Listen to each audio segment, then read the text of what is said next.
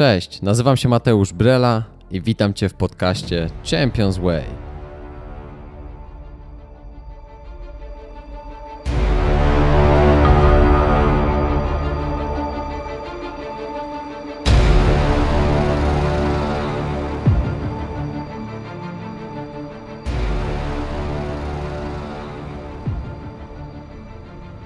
Rozpocznijmy wspólnie mistrzowską drogę. Zapraszam Cię do podróży.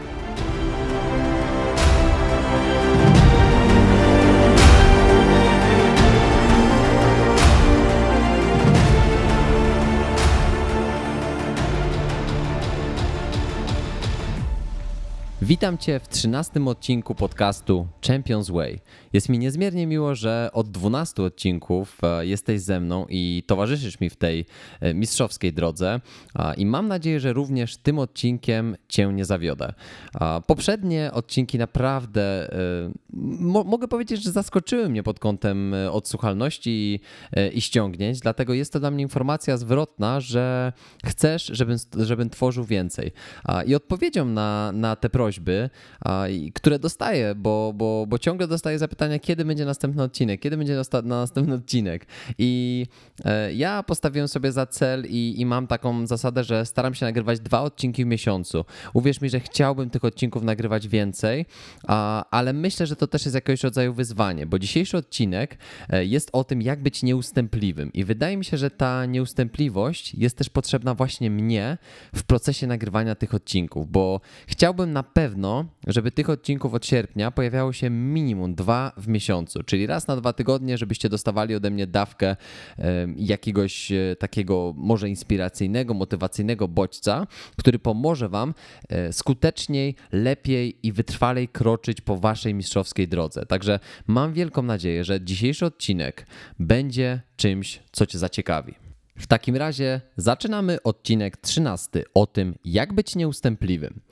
E, tak naprawdę ten odcinek został zainspirowany trzema źródłami i myślę, że na wstępie właśnie powiem o, o tym, o czym będzie e, ten cały odcinek, ponieważ e, to pomoże Ci przefiltrować pewnie informacje, które pomogą ci podjąć decyzję, czy ten odcinek jest dla ciebie, a czy też być może nie interesują cię te, te, te fakty, te informacje, ta wiedza, którą zawrę e, w tym, w tym odcinku. Oczywiście to jest ok, jeżeli są jakieś treści, które cię nie interesują, dlatego powiem od razu. E, trzy źródła, jakie zainspirowały mnie do, do nagrania tego odcinka. E, przede wszystkim Nieustępliwy to jest, to jest tytuł książki Tima Grovera. Niestety nie ma tej książki jeszcze w języku polskim, nie została została ona przetłumaczona. Natomiast po angielsku oryginalny tytuł brzmi Relentless i ten tytuł jest naprawdę dobrze przetłumaczony. To jest jedna z, e, z tych nielicznych rzeczy, która w tej książce akurat została dobrze przetłumaczona, ponieważ wiele, wiele osób podejmowało się prób tłumaczenia niektórych tekstów, niektórych e, takich e, nawet powiedzeń Tima Grovera, ale po prostu z angielskiego one nie brzmią dobrze po polsku i wręcz jakby dla mnie to, to, to w ogóle nie zachęca ani nie motywuje e, sportowca, ale to o tym powiem później. Natomiast jakby ja tę, tę książkę e, przesłuchałem dwa razy na audiobooku. Nie mam fizycznej kopii, natomiast będę się posiłkował różnymi zapisanymi cytatami, niektórymi stwierdzeniami e, i, i również drugim źródłem, które było inspiracją, z którego również będę czerpał e, pewne informacje, był podcast Rafała Mazura pod tytułem Zen Jaskiniowca. W tym podcaście rozłożył on na czynniki pierwsze filozofię Tima Grovera, właśnie zaczerpniętą z książki książki e, nieustępliwy, więc e, zobaczycie, że, że będę starał się troszeczkę rozszyfrować e, sporo takich właśnie filozofii, bo on ma, on ma sporo takich swoich twierdzeń, które zamieniają się w takie maksymy, które są swojego rodzaju taką wizją Tima Grovera na, na takiego prawdziwego, nieustępliwego sportowca. I ja myślę, że, że ze swojej strony, jako trener przygotowania mentalnego, pracujący ze sportowcami, pomogę nam troszeczkę rozszyfrować e, te, te różne powiedzenia. E, mam w planach również e, rozłożenie tego odcinka na dwie części. Pierwsza część to będą raczej takie, może bardziej fakty, może interpretacje. Na pewno nie zabraknie w nich mojej opinii, ale będę starał się przedstawić te różne fragmenty tak, jak one są i ewentualnie dodać od siebie, jak ja to rozumiem, czy jak na przykład to się według mnie sprawdza w życiu sportowca. I trzecie źródło, z którego ja zaczerpnąłem inspirację do nagrania tego odcinka, e, był serial o Michaelu Jordanie i o e, sześciokrotnych e, zwycięzcach tej tak zwanej światowej serii w NBA, bo ogólnie Liga NBA uznaje się za jakby światową ligę, więc generalnie wygrywając mistrzostwo NBA wygrywa się mistrzostwo świata, jak to oni sądzą. Natomiast no myślę, że to jest raczej niepodważalne, że, że amerykańska koszykówka jest dominującą na całym świecie, więc tutaj nie ma co polemizować. A, oczywiście mowa tutaj o Chicago Bulls, którzy w, w latach 89, 97, mniej więcej 98 e, mieli swoje złote lata i wygrali sześć tytułów e, e, mistrzowskich NBA. A, I częścią tych, tych wygranych, częścią, można powiedzieć głównym graczem był Michael Jordan. A, I oczywiście mówimy tutaj o serialu Ostatni Taniec, który, który, który opowiedział tą całą historię E, z, zakulisami, z zakulisów. E, więc powtarzam, trzy źródła inspiracji to jest książka Tima Grovera Relentless, e, podcast Rafała Mazura, Zenia Skiniowca e, właśnie o team, Timie Groverze, który serdecznie polecam, bo jest naprawdę mocny odcinek. Rafał też jest świetnym podcasterem. Będę na pewno starał się również z Rafałem nawiązać relacje, abyśmy wspólnie nagrali odcinek podcastowy. Także też zapraszam również Was do, do, do niego, abyście przesłuchali jego mocnych odcinków, bo naprawdę wyróżnia się, jeżeli chodzi o swój styl nagrywania. No i trzeci, ostatni taniec. Ja w ogóle chcę, chcę nagrać e, kilka takich e, odcinków, być może taka miniseria, nawiązujących właśnie do tego, czego ja dowiedziałem się z ostatniego tańca pod kątem właśnie przygotowania mentalnego. Więc ja bym chciał w ogóle takim tytułem wstępu troszeczkę rozszyfrować kilka takich aspektów, które, które są związane z, z, z tą książką. Ja będę też starał się trochę może wrzucać swoje słownictwo, bo po prostu uważam, że niektóre przetłumaczone słowa no nie są tak dobre, no ale niestety tak jest. Ja wolę czytać książki w oryginale, wolę ich słuchać w oryginale, bo po prostu lepiej do mnie przemawia, przemawiają te oryginalne e, powiedzenia.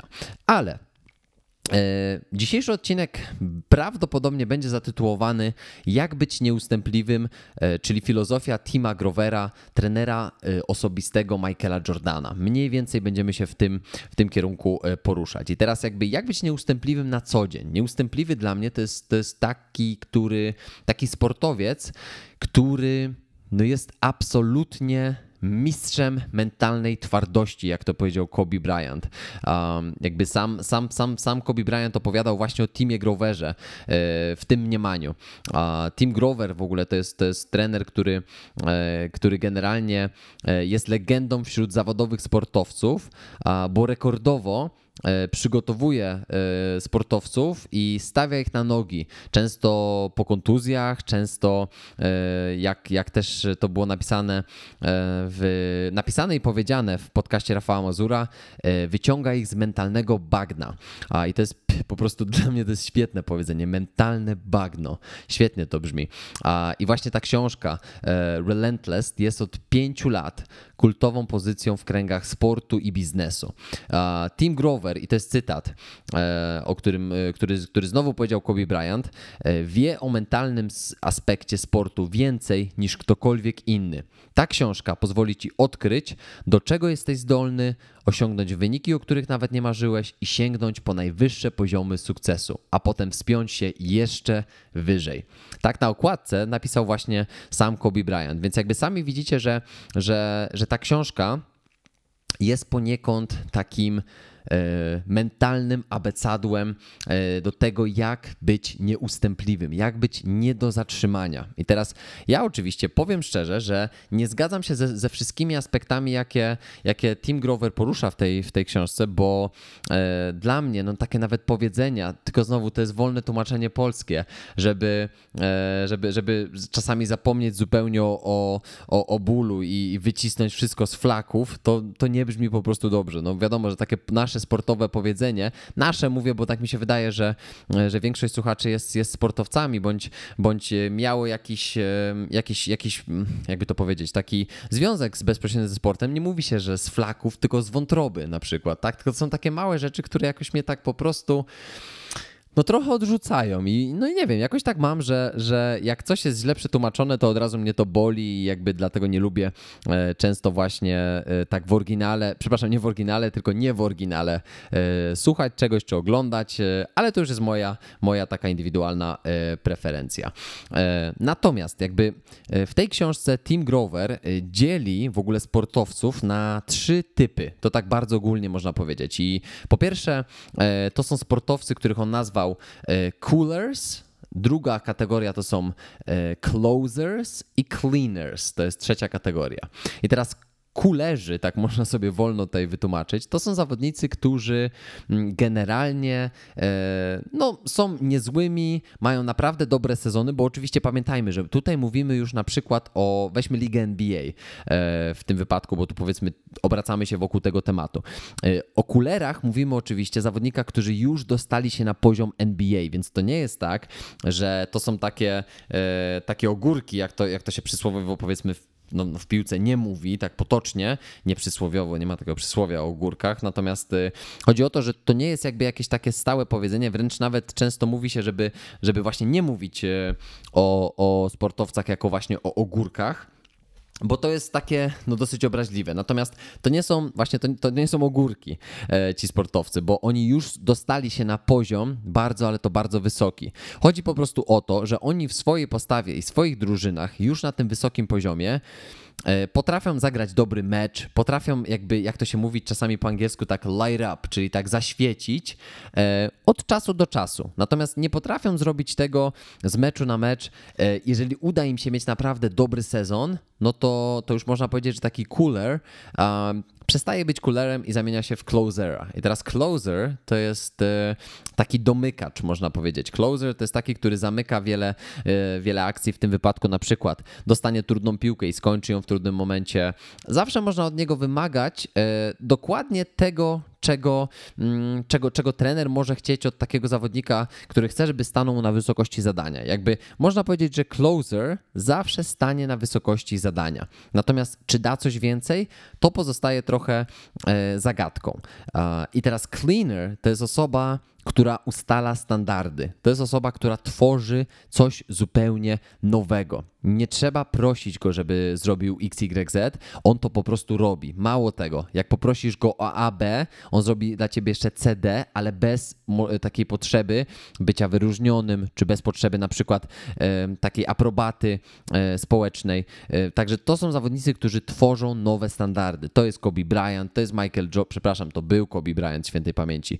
E, to jest Michael Jordan, można powiedzieć, że to jest e, LeBron James, to jest Steph Curry. Mówimy tutaj oczywiście o lidze e, NBA. To był, nie wiem, Magic Johnson, czy Isaiah Thomas, czy nawet, nawet bym powiedział Scary, Scary Pippen. Zaliczyłbym go do cleanera, bo to był taki cichy cleaner, którego często jakby może nawet szedł niezauważalnym czasami. W piłce nożnej to jest, to jest Leo Messi, to jest Cristiano Ronaldo, to jest Diego Maradona. Powiem szczerze, że nawet to może być, chyba krzyknąłem, przepraszam. E, powiem szczerze, że to, to może być nawet Lewandowski naszych dzisiejszych czasów. E, to są tacy naprawdę cleanerzy, którzy, którzy stają na, na wyżynach, e, żeby, żeby udowodnić, też nawet nie udowodnić, tylko oni po prostu stają na wyżynach nowego poziomu i oni tworzą zupełnie jakby inne salony, bo to się mówi, że wchodzi się na salony, na jakiś poziom VIP. Oni tworzą zupełnie nowy poziom VIP, więc to jest niesamowite, jeżeli chodzi właśnie o, o cleanerów. Cleanerów, więc jakby cleanerów, jak ja to w ogóle powiedziałem. Chodzi o, o cleanerów po prostu, no tam nie, nie będziemy akcentować, no trudno. E, I słuchajcie, i teraz e, to jest na wstępie, dlatego że, że warto, żebyśmy od razu wiedzieli, w jakich kategoriach Grover tak jakby um, umieszcza tutaj tych najlepszych. I powiem szczerze tak, że ja mówię takich cleanerów, bo oni po prostu czyszczą wszystko. Oni są takimi, nie chcę tutaj e, wymyślić słowa jako że czyścicielami, ale oni są po prostu takimi e, e, no wręcz no rozwalaczami wszystkiego. I teraz jakby tutaj u Rafała Mazura zostało użyte takie stwierdzenie wymiatacz, że cleaner to jest wymiatacz. Nie wiem, czy wam się to po, po, po podoba, ale wydaje mi się, że to jest takie stwierdzenie, że jak ktoś wymiata, no to jest po prostu ponad wszystkimi. Możemy zostać przy tym. Ja będę mówił zamiennie cleaner i wymiatacz. Możemy sobie zostać, to jest zaczerpnięte właśnie z podcastu Rafała Mazura, to nie ja wymyśliłem. I właśnie świetne jest to, że E, że, że, że ta książka w ogóle i dla mnie ostatni taniec to jest jeden wielki jakby mental, psychologia sportu zaawansowana, dlatego ja na pewno, ale to na 100% obiecuję Ci, że nagram odcinek, który będzie um, opowiadał właśnie o tych aspektach mentalnych ostatniego tańca. Będzie na pewno taki odcinek, który będzie pod tytułem e, The Last Dance, e, trening mentalny w praktyce. Na bank taki odcinek nagram, e, prawdopodobnie już w sierpniu, bo teraz zrobię dla Was dwa odcinki e, właśnie o tym, jak być nieustępliwym w sporcie i w życiu. Mm, I, dru- i czyli kolejny odcinek, czyli 13-14 odcinek będą o tym, jak być nieustępliwym według e, Tima Grovera. E, I 15 odcinek będzie z, z trenerem piłkarskim, z byłym zawodnikiem polskiej ekstraklasy. I do tego dojdziemy sobie i to pozostawię tutaj taką małą niespodzianką. E, dlatego jakby wydaje mi się, że, że warto właśnie zacząć od tego, jak w, jakby e, w wielu kwestiach, e, no jak to Rafał Mazur powiedział, e, niepoprawnym politycznie, jak wyglądają niepoprawnie politycznie te lekcje, które pomagają wchodzić na szczyt, bo tak jak powiedziałem, że Rafał Mazur jest taki bardzo właśnie niepolityczny i nie taki amerykański w swojej motywacji, trochę tak jak Grover, bo, bo Grover w tym swoim języku bardzo dużej mierze właśnie opowiada takim amerykańskim językiem, dasz radę, możesz wszystko, wiesz, masz to w sobie. To jest taki język generalnie. Natomiast to jest amerykański styl, który e, powiem szczerze, że jakby, no ja nie chcę też ukrywać, że e, mnie ten styl się podoba. Dlaczego mi się podoba? Dlatego, że ja mieszkałem 6 lat w Stanach e, i jakby ja to rozumiem. Ja rozumiem ten styl i ja rozumiem też to, mm, że to tak naprawdę wygląda w Stanach. To nie jest jakaś bójda i to nie jest sztuczne takie to, jak to się mówi, hello, how are you, prawda? To jest naprawdę, to jest naprawdę takie, takie szczere w wielu, wielu momentach. Dlatego ja lubię lubię łączyć taką motywację typu właśnie, jak to mój trener e, kiedyś opowiadał, taką motywację typu ra, ra, ra e, z bardzo merytorycznymi e, w takimi wejściami i, i wytłumaczeniami, natomiast zachowując przy tym dozę takiej racjonalności. I teraz Pierwszy fragment, który mnie się w ogóle spodobał e, w, w tej książce i tak, to jest taki też cytat Grovera, który Rafał Mazur zaznaczał jako, jako jeden z takich e, mocnych od razu na początku, e, no to to jest też takie pytanie jakby o tym, jakby co cię zatrzymuje. Jeżeli teraz wiesz, co masz w sobie i co masz zrobić i wiesz, jak to zrobić, to przestań myśleć, po prostu zacznij działać. I to jest właśnie, to jest takie motywacyjne trochę, masz to w sobie, zacznij działać, jesteś zwycięzcą. Można by powiedzieć, tak? Natomiast za tym jest oczywiście e, schowana e, taka bardzo, bardzo ważna lekcja, dlatego że jak później Grover mówi, e, wcale nie chodzi tutaj o motywację. I jakby sam mówił od tego, od tego na początku, że skoro trzymasz tą książkę w ręce, no to ty już jesteś wystarczająco zmotywowany. Ja ci mogę powiedzieć to samo. Jeżeli słuchasz teraz tych moich słów, słuchasz moich słów, słuchasz tego podcastu, słuchasz tej audycji, słuchasz tego odcinka, to ty już jesteś wystarczająco zmotywowany. Ja nie uważam i nawet nie chcę być tym, który motywuje zawodników. Mam nadzieję, że zainspirują cię słowa, które w tym podcaście e, nieraz opowiem, ale ja nie chcę cię motywować do działania, bo ja chcę, żebyś ty był zmotywowany wewnętrznie, czyli żebyś był zmotywowany wewnętrznie swoim celem i dążeniem do niego. Ja chcę e, tą drogę też ci ułatwić i pokazać ci, że masz nieograniczony potencjał, bo dla mnie trening mentalny to jest właśnie rozwijanie tego potencjału, którego ty jeszcze nie znasz. I jeżeli usłyszysz jakieś jedno słowo, które skłoni cię do refleksji i które powie ci, gościu, wstawaj, nie siedź na dupie, spójrz w lustro i zastanów się, czy wszystkie odpowiedzi są w tobie. jeżeli y, odpowiedź na to pytanie jest tak, no to zacznij działać. Jeżeli nie, no to Zachęcam Cię do słuchania dalej moich podcastów, zachęcam Cię do napisania do mnie wiadomości, zachęcam Cię nawet do współpracy ze mną, jeżeli czujesz, że coś Cię blokuje, że nie masz tego w sobie, a chciałbyś to pokazać. I dalej Grover mówi o tym, że że ty jesteś, jeżeli jesteś wystarczająco zmotywowany, tak? Tak jak powiedziałem, słuchasz tego podcastu, nie muszę cię motywować. Teraz musisz przenieść te, te działania i rezultaty w praktykę. Wszystko, co niezbędne do, do wielkości, masz już w sobie. Większość ludzi rezygnuje, bo inni wmawiają im, że ograniczenia e, są zbyt duże, że pozostanie w strefie komfortu jest łatwiejsze i bezpieczniejsze. I teraz y, pytanie pojawia się zatem, ok, co zrobić? I naprawdę y, warto zastanowić się, kto cię otacza. Ja już wielokrotnie mówiłem o tym, często o tym piszę, że otoczenie ma ogromny wpływ na to, jak my się rozwijamy. I uwierz mi, że jeżeli otaczasz się ludźmi, którzy próbują być właśnie takimi nie do zatrzymania, czyli nieustępliwymi, czyli jak to powiedział Grover, albo Rafał Mazur bardziej, wymiataczami, czyli tymi cleanerami, no to uwierz mi, że łatwiej będzie ci wychodzić z tej strefy komfortu. Ja ci podam przykład. Kiedy miałem Mm, to wiek gimnazjalny, czyli powiedzmy teraz to jest jakaś taka siódma, ósma klasa. Poziom chłopaków w moim roczniku był niewiarygodnie duży. Uwierz mi, że ja byłem jednym ze słabszych zawodników w tym roczniku. Na pewno nie byłem zawodnikiem, który e, mieścił się w pierwszej jedenastce przez pierwsze dwa lata. Dopiero e, pomiędzy drugą a trzecią gimnazjum, czyli e, siódmą, ósmą, między ósmą a dziewiątą, ósmą, tak, między ósmą a dziewiątą klasą wywalczyłem sobie miejsce w pierwszym składzie, ale dlatego, że poziom był tak ogromny, ogromny i to jakby skłoniło mnie do podniesienia swojej poprzeczki. I tylko dzięki temu ja pracowałem tak ciężko, chociaż miałem też taki moment, kiedy olewałem wszystko, bo wydawało mi się, że e, no i tak jestem daleko, i tak nie dam rady, i tak oni są lepsi. I, e, I to było ograniczenie, które ja sobie sam narzuciłem. I jakby ja wtedy nie, nie miałem, albo być może na pewno potrzebowałem takich słów, że poprzez usunięcie wszelkich narzuconych sobie ograniczeń, ja osiągnę więcej i osiągnę mało tego, wszystko to, co pragnę. Gdybym być może wtedy usłyszał takie słowa a, i, i dalej e, na przykład usłyszałbym słowa takie jak bycie najlepszym oznacza takie zaprojektowanie swojego życia, że nie spoczniesz, póki nie osiągniesz tego, czego chcesz. A gdy już będziesz to miał, zaczniesz sięgać po następne i następne i następne. Nieustępliwie będziesz dążył po kolejne. Odrzucając w ogóle wszelkie ograniczenia, e, uczymy się właśnie tego, że to nie jest takie trudne, jeżeli e, nawykowo zaczniemy wyko wykonywać pewne czynności. Powiem szczerze, że jakby ja mogę powiedzieć, że jestem bardzo często, e, bardzo często, powiedziałbym nawet w większości swojego życia, nieustępliwy w działaniu. Czasami mam już jakby odczuwalne takie duże zmęczenie materiału e, i fizyczne, i psychiczne. Natomiast e, dla mnie praca jest, jest jakby ważną częścią mojego życia, dlatego że ja się spełniam zawodowo, spełniam swoje marzenia i mało tego.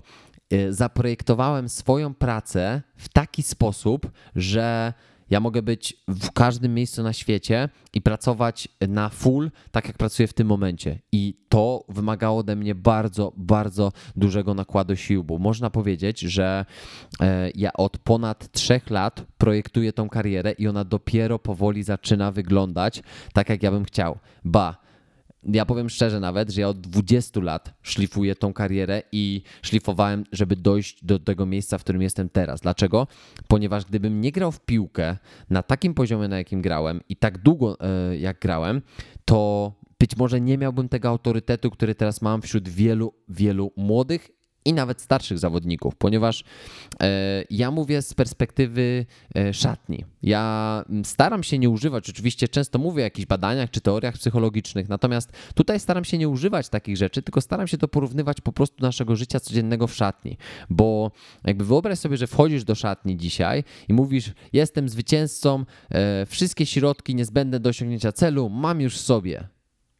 Mm, pojawia się pewnie chwila konsternacji i jest e, śmiech, i potem e, do końca swojego pobytu w tym klubie będziesz miał generalnie przezwisko e, mistrz, albo zwycięzca, albo nie wiem, motywator, albo jakiś tam, nie wiem, inny, inny nie wiem, jakiś tam master, czy wy, wymyśl ty, tak, jaka jeszcze ksywka mogłaby być. Natomiast nie o to chodzi.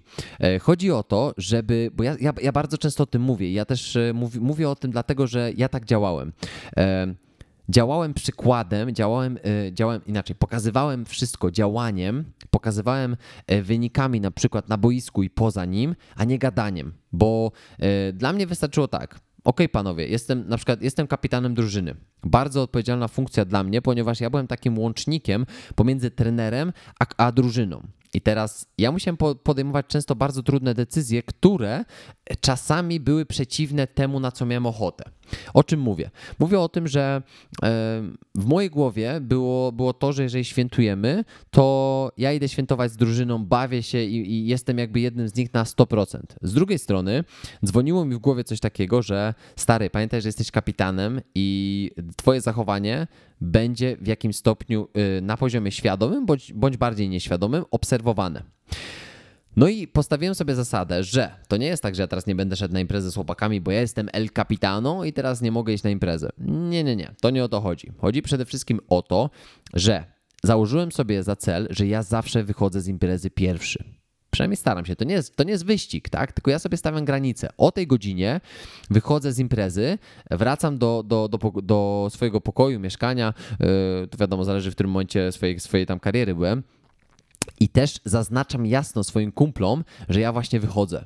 I to był bardzo, ale to bardzo e, świadomy krok, bo ja nie robiłem tego, żeby pokazać się, kim to ja nie jestem i w ogóle, a, tylko żeby im pokazać, że ja szanuję ich i wychodzę z nimi na imprezę i bawię się z nimi, ale ja też pokazuję im, że mój autorytet mówi mi, panowie, dla mnie już koniec, ja jestem kapitanem, bawcie się. I teraz jakby wiem, że to jest w ogóle jakby zbliżone do tego, co robił Kobe Bryant, momentami co robił Michael Jordan, tak, że oni mieli swoje jakby życie. Kobe Bryant w ogóle bardzo rzadko wychodził z, z kolegami z drużyny i bawił się z nimi. I to jest niesamowite jakby pomyśleć, bo wydaje się dlaczego, trzeba się integrować, drużyna i tak dalej. Natomiast y, może i tak. Ja nie mówię, że moja filozofia jest jedyną prawdziwą i trzeba jej się trzymać i trzeba się z nią ożenić. Nie, to nie o to chodzi. Natomiast taka była moja filozofia. Ja zdecydowałem, że zawsze będę pierwszym gościem, który wychodzi z imprezy. Chyba, że nie wiem, byliśmy po sezonie, e, skończyliśmy, świętowaliśmy, byliśmy tylko w gronie na przykład najbliższych e, moich znajomych. Być może to się wtedy zmieniało. Natomiast ja zawsze miałem taką zasadę,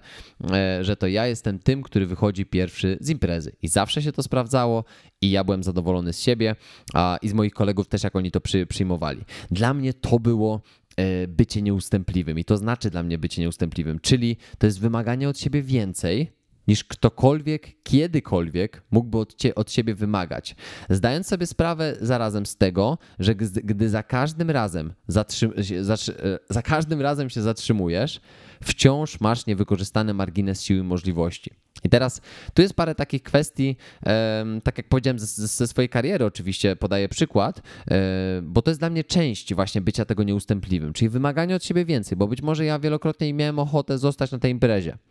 Natomiast decydowałem, że dla mnie to jest właśnie wyróżnienie się od reszty, ale nie w takim sensie, że ja jestem lepszy od was, tylko to była moja filozofia na to, żeby, żeby, żeby pokazać autorytet sobie samemu i pokazać sobie samemu, że wymagam od siebie więcej.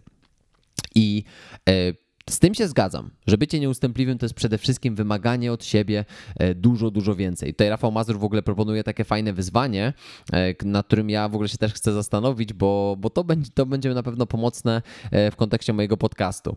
A, dlatego, że, że być może dzięki temu będę jeszcze bardziej systematyczny, może, nie wiem, ponagrywam trochę odcinków do przodu i ewentualnie będę je wrzucał częściej, jak się okaże, że mi super idzie. A, I to jest wszystko dla Was, tak? Bo, bo ja nagrywam ten podcast przede wszystkim po to, to, żebyście wy mieli jak najwięcej e, takiej w pigułce skondensowanej wiedzy i może jakichś moich przemyśleń, może jakichś e, fajnych rzeczy, które wam też polecam. Ale mamy pierwszą rzecz, którą ja się nie zgadzam. E, nie zgadzam się z tym, co, co Grover powiedział w kontekście tego niewykorzystanego marginesu siły i możliwości, bo jest napisane musisz robić więcej. Z chwilą, gdy twój umysł mówi koniec, twój instynkt krzyczy następny. Nie ma w tym nic skomplikowanego. To czysty zwierzęcy instynkt. I tutaj ja się często odnoszę do. Oj, chyba uderzyłem mikrofon. Um, Ja w ogóle napiję się tylko troszeczkę wody, także mała przerwa. I tutaj um, często wracam do, do historii swojego półmaratonu, dlatego że um, ja biegłem mój, ten półmaraton i miałem właśnie taki moment, w którym, w którym to nie mój umysł krzyczał koniec, tylko moje ciało mówiło mi daj sobie spokój. Moje ciało, moja głowa podpowiadała mi twoje ciało jest zmęczone twoje ciało jest wykończone.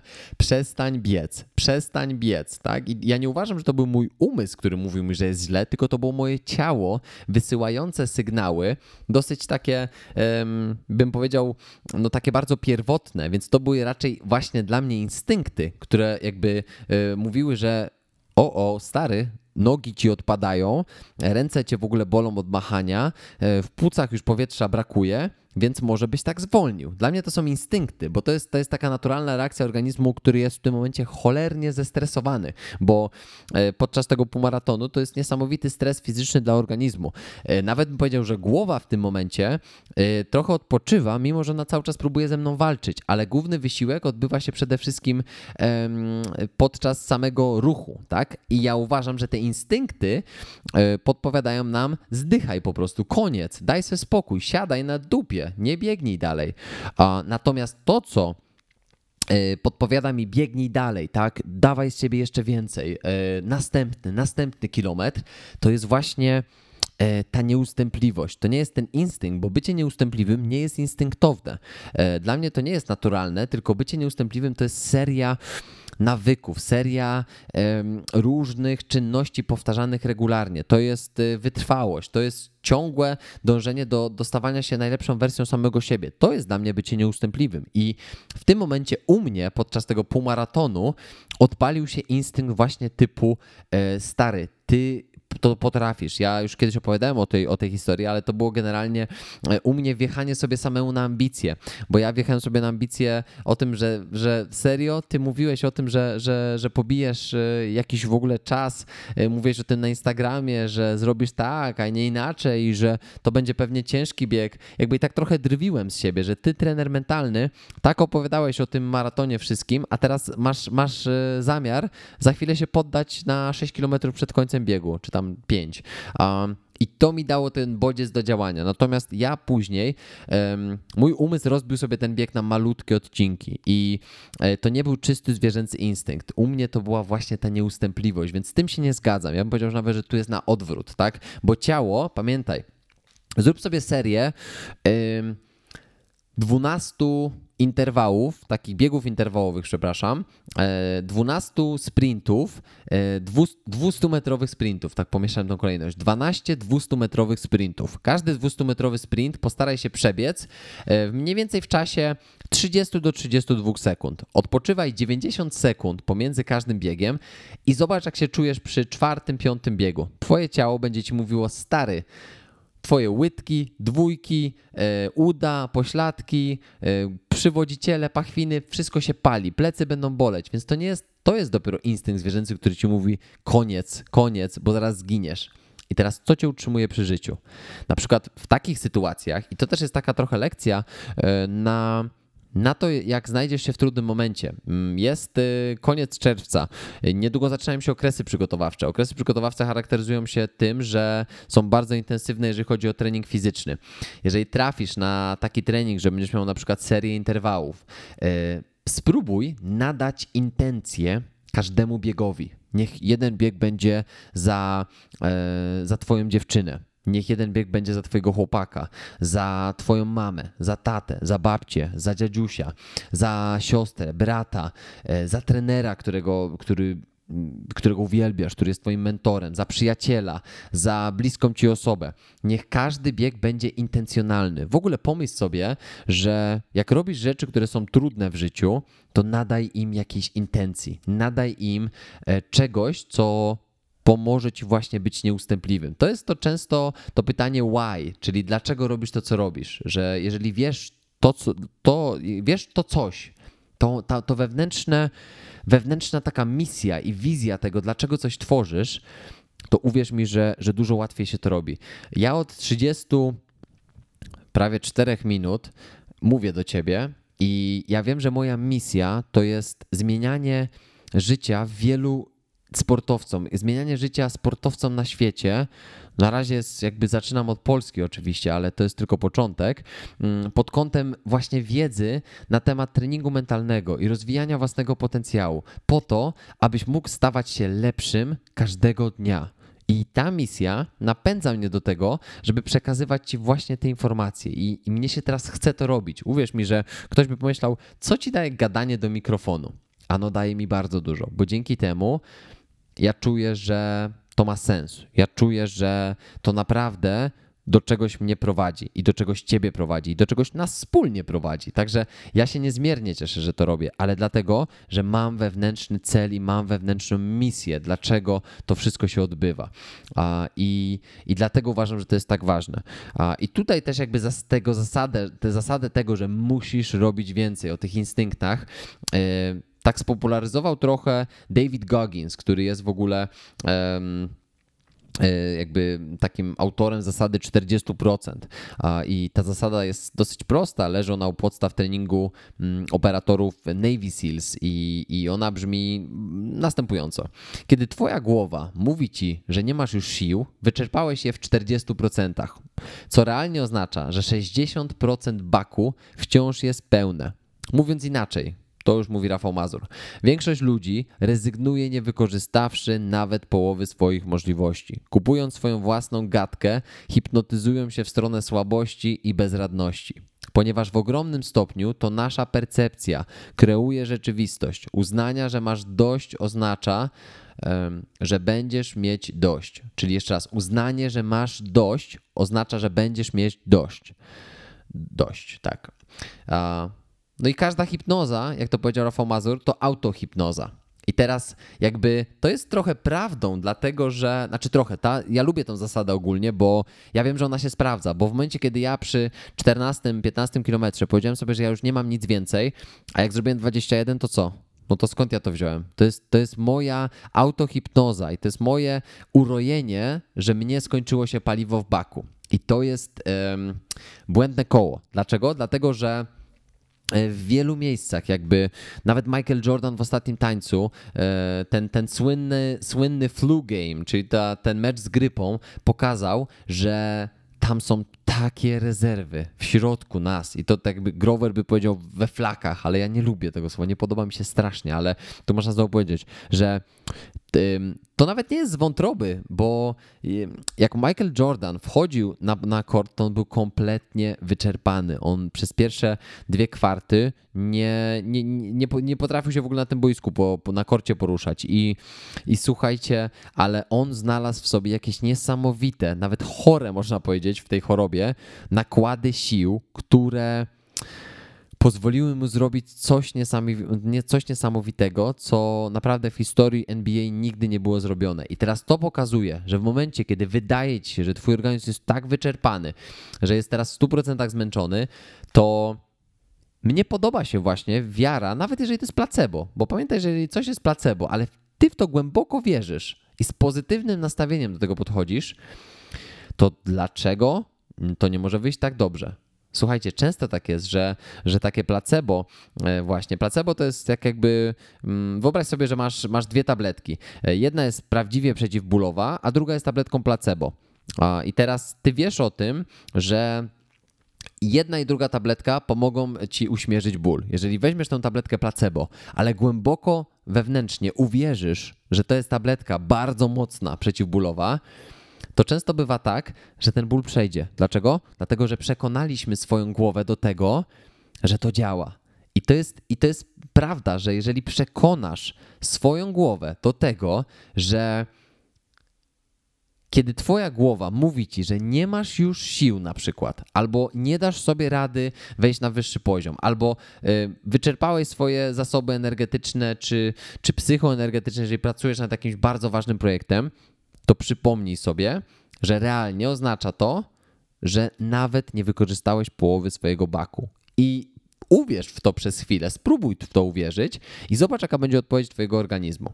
Jeżeli organizm dalej będzie wycieńczony, być może że czas na odpoczynek. I tutaj chyba mm, różni, to mnie różni od Grovera i od Rafała Mazura, który, którzy opowiadają o tym wszystkim, bo u nich nie ma czasu na odpoczynek. Tutaj jest tylko napierdzielanie, żeby nie powiedzieć brzydkiego słowa, ale jest napierdzielanie po prostu cały czas.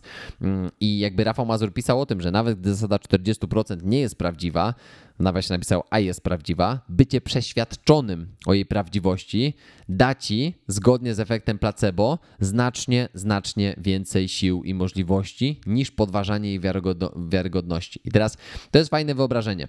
Wyobraź sobie, że masz bowiem w środku głowy czerwony guzik paniki, który w trybie domyślnym używany jest za wcześnie i za często. Czyli mój półmaraton. Ja odpaliłem ten czerwony guzik za wcześnie, bo jeszcze miałem w baku 6 km. Ja mogę odpalić ten, e, ten guzik, nie wiem, na kilometr przed końcem, tylko że tam to już się wyciska właśnie z wątroby, tak? Bo ja ostatnie 500 metrów to biegłem jak szalony. Minąłem z 15 osób po drodze. Nie, nie pamiętam nawet, jak to się wydarzyło, ale nie będę mówił z flaków, bo nie lubię tego powiedzenia, ale właśnie z wątroby wycisnąłem i, i, i pokazałem tą nieustępliwość na końcu tego biegu. I powiem szczerze, że, że jakby to bycie nie do zatrzymania to jest przede wszystkim mierzenie się z tym, kim chciałoby się stać. To jest jakby w 100% moja wizja tego, dlatego że jakby nawet przypominając sobie te, te różne sytuacje ze swojego życia, mm, ja często bardziej wierzyłem w to, że nie dam rady stać się tym kimś, kim chciałbym się stać, niż w to, że Mm, że właśnie to bycie nieustępliwym oznacza przekraczanie tych barier. I powiem szczerze, że jakby to bycie tym wymiataczem czy tym, tym cleanersem było czymś, za czym ja zawsze goniłem. Nieświadomie, a, ale ja wiem, że i tu też się zgadzam jakby z, z tym, co, co, co Grover mówił i są przykłady właśnie sportowców, którzy, którzy są właśnie tacy prawdziwie nieustępliwi. A, no i tutaj właśnie y, Rafał Mazur nazwał ich wymiataczami, czyli tymi cleaners, jak mówiłem wcześniej. I to jest, i posłuchajcie tego, bo to jest mocne. E, wymiataczami są, e, wymiatacze są drapieżnikami, których ciemna strona odrzu odrzuciła. A niezależnie od tego, czy zdajesz sobie z tego sprawę, czy też nie, masz własną ciemną stronę. Używaj jej właściwie, bo może być Twoim największym darem. I teraz ta ciemna strona to jest, powiem szczerze, ja, ja lubię tą właśnie ciemną stronę sukcesu, ciemną stronę sportu, bo fajnie się mówi o tych wszystkich dobrych rzeczach. I też ostatni taniec pokazał, jak duży koszt przychodzi z, z tą ceną sukcesu, bo, bo naprawdę ona jest bardzo wysoka i koszty są naprawdę bardzo, ale to bardzo duże do poniesienia.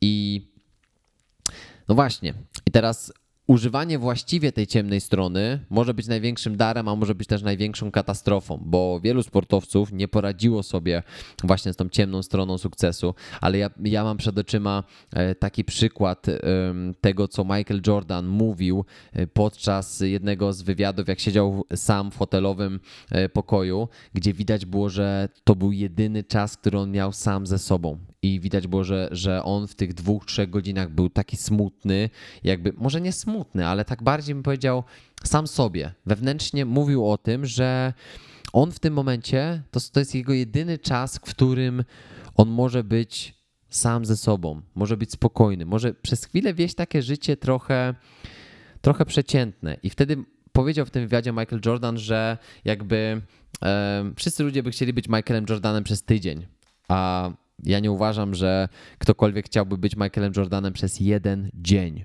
Bo wystarczyło spojrzeć czasami na takich zdjęciach bardzo wymownych, kiedy grupa 50 dziennikarzy otaczała jednego Michaela, który nawet nie był najwyższym, który nawet nie mógł się im tak, można powiedzieć, postawić, tak? który był też niesamowicie jakby wyrozumiały dla tych wszystkich ludzi, ale to pokazywało, że on w tym wszystkim był sam jak palec, a ludzie, z którymi nawiązywał głębokie relacje, to często byli na przykład jego ochroniarze. Jednym z, jednym z jego wiernych ochroniarzy był, był człowiek, który później też zastąpił mu ojca.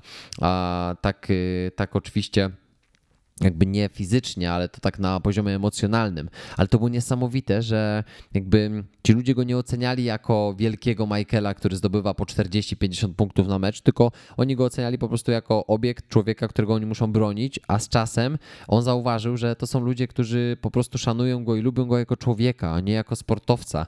A wszyscy ludzie jednak e, patrzyli na niego i tylko czekali na kolejny sportowy ruch. Kiedy szło mu za dobrze, to też jest niesamowite. To jest właśnie też z ostatniego tańca, że to jest nudne, tak jak powiedział Michael, kiedy idzie ci za dobrze. Jak ci idzie za dobrze, to ludzie będą szukali jakiegoś powodu, żeby zrobić ci koło dupy, tak kolokwialnie mówiąc. I to samo się działo z Michaelem.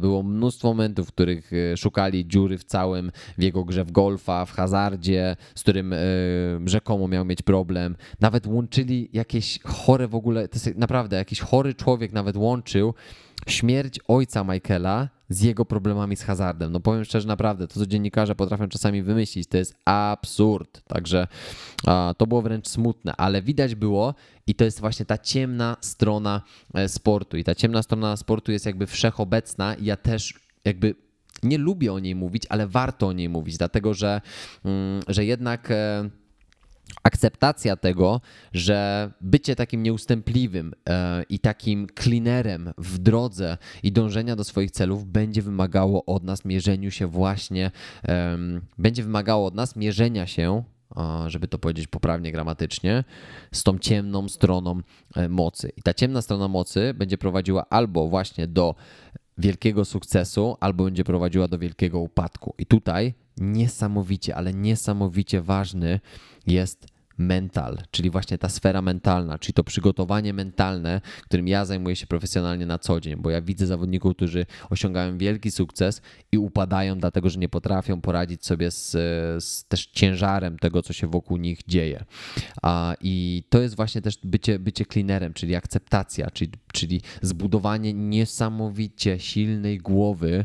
Um, i, i później przełożenie tego na trening fizyczny. Mm, I to jest w ogóle fajny moment, wydaje mi się, żeby, żeby postawić pauzę, czyli, czyli powiedzieć sobie na chwilkę stop, e, bo odcinek trwa już 45 minut. Widzę, że nie wiem, czy dwie części wystarczą, nie wiem, czy nie zrobię nawet trzech, ale chyba zatrzymam się na razie na dwóch, ewentualnie w kolejnym odcinku, e, w sensie tam 16 czy 17 wrócę do tego tematu, bo tu można mówić i mówić, ale podoba mi się ten kierunek. Podoba mi się ten kierunek, gdzie po prostu wyciągam jakieś różne ciekawe rzeczy i po prostu sobie o nich tutaj rozmawiamy. Więc e, w tym momencie powiem pauza dla odcinku 13 i dalsza część, tutaj jakby mm, powiem dalej o tym, żeby zaakceptować e, to, że jest się tylko cząstką e, tego, kim można się stać. Powiem trochę o tym, jaka jest definicja piekła według mnie i skomentuję taki fragment właśnie Tima Grovera o tym, czy faktycznie rodzimy się nieustępliwymi. To jest taka ciekawa w ogóle sfera tutaj, o też zaufaniu do siebie, o tym, czy jesteśmy dobrzy, dobrzy czy źli. No ciekawa, ciekawy moment, także myślę, że to nam się zmieści w drugiej części tego odcinka odcinka. No i dalej będę to oczywiście porównywał do takiego życia codziennego. Także mam nadzieję, że to jest tylko mała pauza i spotkamy się e, w kolejnym odcinku. I teraz zrobię troszeczkę e, taki mały wyjątek, dlatego że e, ten odcinek e, pojawi się jeszcze w czerwcu. E, on się pojawi mm, w poniedziałek 29, a może, może 30 czerwca pojawi się ten odcinek e, na moim kanale.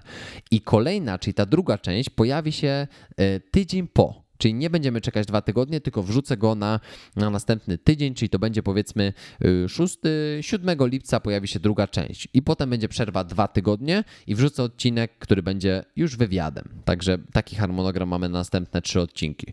Więc w tym momencie robimy pauzę, wracamy do drugiej części już za tydzień. Dzięki, że ze mną dzisiaj byłeś. Proszę Cię o zostawienie e, komentarza I, I chociaż oceny, jeżeli podoba, podoba Ci się ten podcast, to, to, to rzuć mi 5 gwiazdek, bo to naprawdę będzie fajnie pozycjonować ten podcast i mam nadzieję, że wtedy dotrze do nas e, dużo większa e, liczba osób. Także dzięki Ci, że dzisiaj byłeś i słyszymy się już za tydzień. Trzymaj się.